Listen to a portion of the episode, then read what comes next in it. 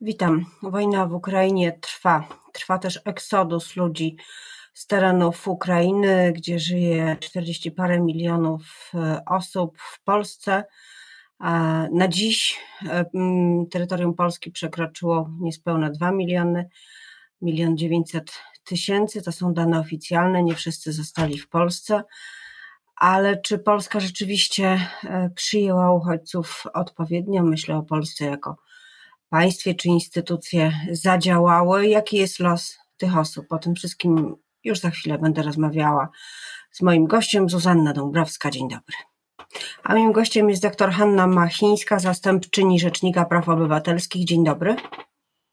Dzień dobry, dzień dobry pani redaktor, dzień dobry państwu. E, takie trochę cieplejsze uczucia nas ogarnęły jako społeczeństwo, kiedy patrzyliśmy na to, jak wielu z nas, wielu i wiele z nas e, zostało wolontariuszami, przyjęło ukraińskie rodziny. Zryw był i jest rzeczywiście e, imponujący. Na ile udało się złagodzić tę sytuację e, uchodźczą, która jest dramatyczna zawsze, kiedy jest wojna, a kiedy, kiedy bomby zapleci robi się rzeczywiście straszna. Czy, czy Polakom i Polkom udało się trochę złagodzić ten okrutny los?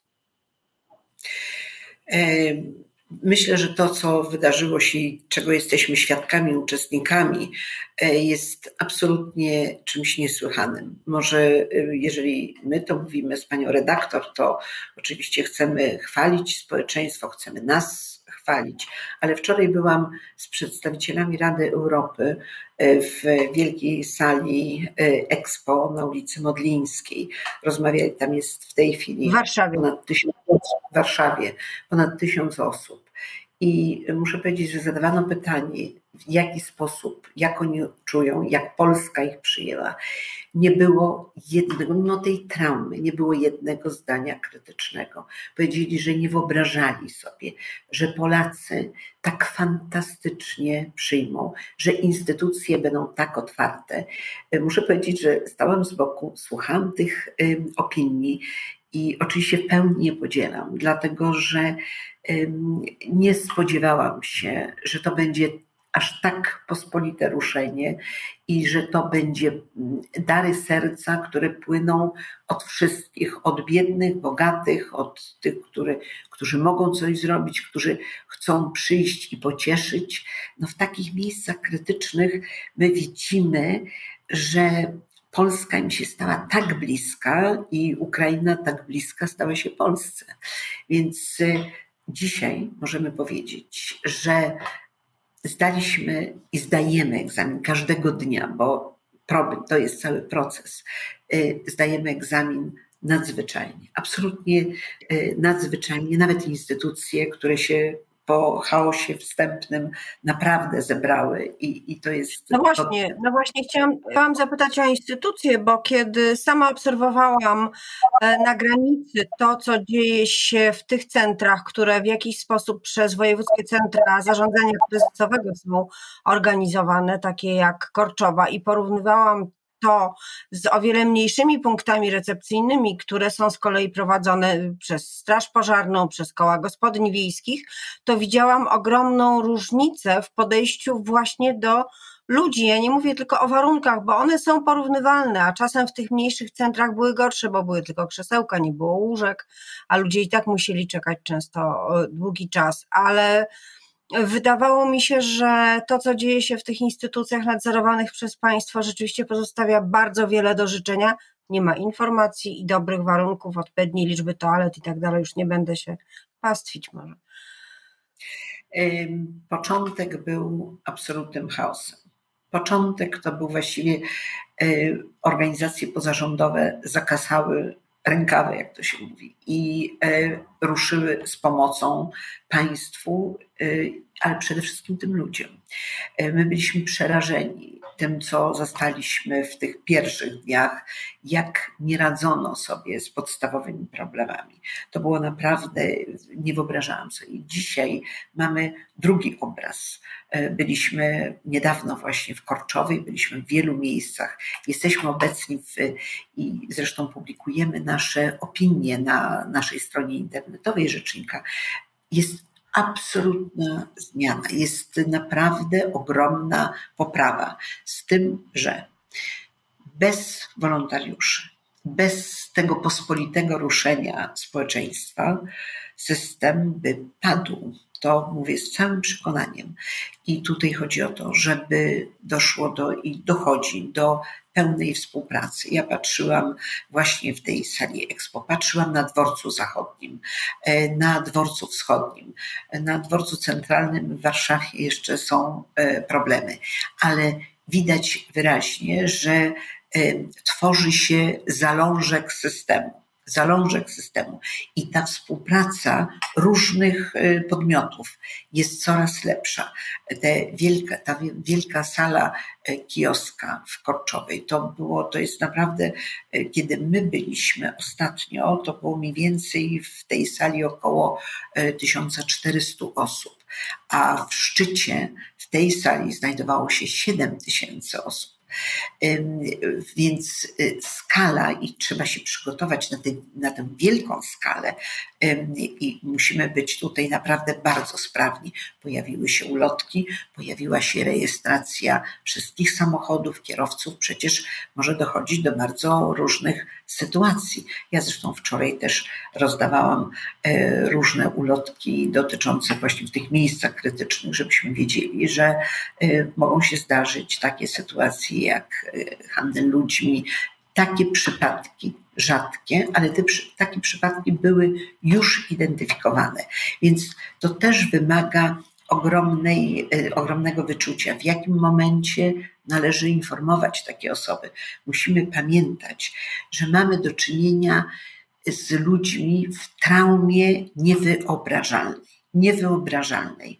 Więc gdybyśmy od razu jeszcze dawali ulotkę, proszę Państwa, proszę uważać, bo tutaj będzie e, na handel ludźmi i tak dalej, to nie tędy droga. My musimy. Jeszcze bardziej. Tak, tu trzeba. Oczywiście są wielkie braki jest brak psychologów. Y, psychologów potrzeba, y, ponieważ y, już funkcjonariusze stają się psychologami, podchodzą do ludzi. To jest coś niesłychanego, dlatego że to nie te osoby, Ukraińcy czy osoby z innych państw podchodzą do wolontariuszy, to wolontariusze podchodzą do nich i pytają się, słuchaj, może czy pani, może czegoś potrzeba, może coś możemy e, zrobić. E, to jest. Chciałam zapytać jeszcze o jeden problem, który występował od początku tego, tego kolejnego kryzysu uchodźczego, mianowicie o e, uchodźców, którzy nie są obywatelami Ukrainy. Były duże grupy studentów, między innymi studentów z państw arabskich, z państw Magrebu, Afryki, E, czy to udało się w jakiś sposób rozwiązać? Ja podpatrzyłam, tego nikt nigdy nie potwierdził, że na przykład Straż Pożarna organizowała takie przyspieszone, alternatywne mm, drogi e, ewakuacji tych osób, na, na których wiele, na, na wiele z nich czekały e, osoby, rodziny poza Polską. Czy, czy mamy informacje na ten temat? Te osoby rzeczywiście była tak zwana druga linia odpraw. Druga linia odpraw dotyczyła w zasadzie tych osób, co do których trzeba było potwierdzić tożsamość, ale dziwnym trafem na tej drugiej linii odpraw znalazły się osoby głównie z państw afrykańskich e, i rzeczywiście my na to natychmiast zwróciliśmy uwagę. To był 25-26 luty, kiedy powiedzieliśmy, nie może tak być. Nie, weszliśmy do małego pomieszczenia, gdzie byli wyłącznie zagubieni, bez komunikatów, ci ludzie, którzy kompletnie nie wiedzieli, dlaczego nagle zostali zgromadzeni w jednym pomieszczeniu. Y, ta sprawa została bardzo dobrze rozwiązana, ale y, mieliśmy sygnały, które też już nie tylko sygnały, ale potwierdzone zdarzenia, kiedy wywożono y, studentów, na przykład nigeryjskich, na, w, jakąś, w jakiejś miejscowości. Nie potrafili nam telefonicznie przekazać, w jakiej miejscowości są, ale są bardzo blisko, byli bardzo blisko granicy niemieckiej. I powiedzieli, że ale my wcale tam nie chcieliśmy jechać. Nam, namawiają nas, żebyśmy wyjechali do Niemiec. Ta sytuacja miała miejsce. Ta sytuacja, myślę, już w tej chwili nie ma drugiej linii. E, no, duża część studentów zagranicznych, którzy studiowali e, na terenie Ukrainy, e, wyjechało. To, to, to są ogromne liczby. To naprawdę my nie mieliśmy nawet pojęcia, jak wielu studentów zagranicznych studiowało na, w Ukrainie. Więc tego w tej chwili tej sytuacji nie ma. To, co pojawia się, co, o czym musimy mówić, to jest społeczność romska, która, a przecież na terenie Ukrainy, szacunki mówią, że jest od 120 tysięcy do 400 tysięcy, nawet więcej, większa grupa społeczności romskiej. My wczoraj mieliśmy kontakty właśnie z, ze społecznością romską, ponieważ doszły do nas takie sygnały o niewłaściwym traktowaniu. Nie absolutnie nie dostrzegliśmy takich zdarzeń, kiedy my byliśmy w różnych miejscach. Ale niewłaściwym, niewłaściwym traktowaniu przejścia granicznego przez wolontariuszy, przez kogo?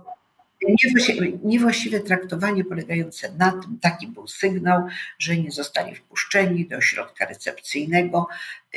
My tego nie stwierdziliśmy, co więcej, byliśmy świadkami, kiedy społeczność romska y, przychodziła, właśnie widzieliśmy takimi falami, wchodzono do ośrodka recepcyjnego, rozmawialiśmy z nimi. Rzeczywiście doszło do konfliktów między grupami romskimi i z interwencją policji. Natomiast nie widzieliśmy takich zdarzeń. No, rozmawiamy w tej chwili. Oni są tacy zagubieni, bardzo zagubieni i mówią tylko tyle. Wczoraj nam przekazali, my chcemy rodzinami być, pojechać do Szwecji, bo, ale z całymi rodzinami, dlatego że my nie możemy być rozdzielani, a rodziny to jest 20. To są duże rodziny. To są duże rodziny. Y, jednocześnie pod...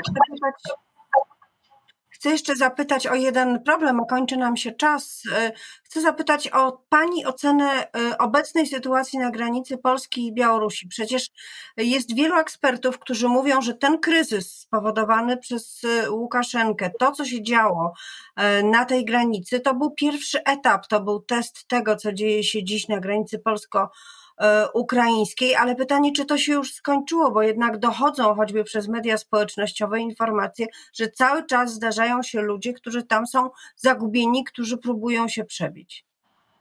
Tak jest. Ten problem właściwie znika może z debaty publicznej z, z, powodu właśnie sytuacji w Ukrainie.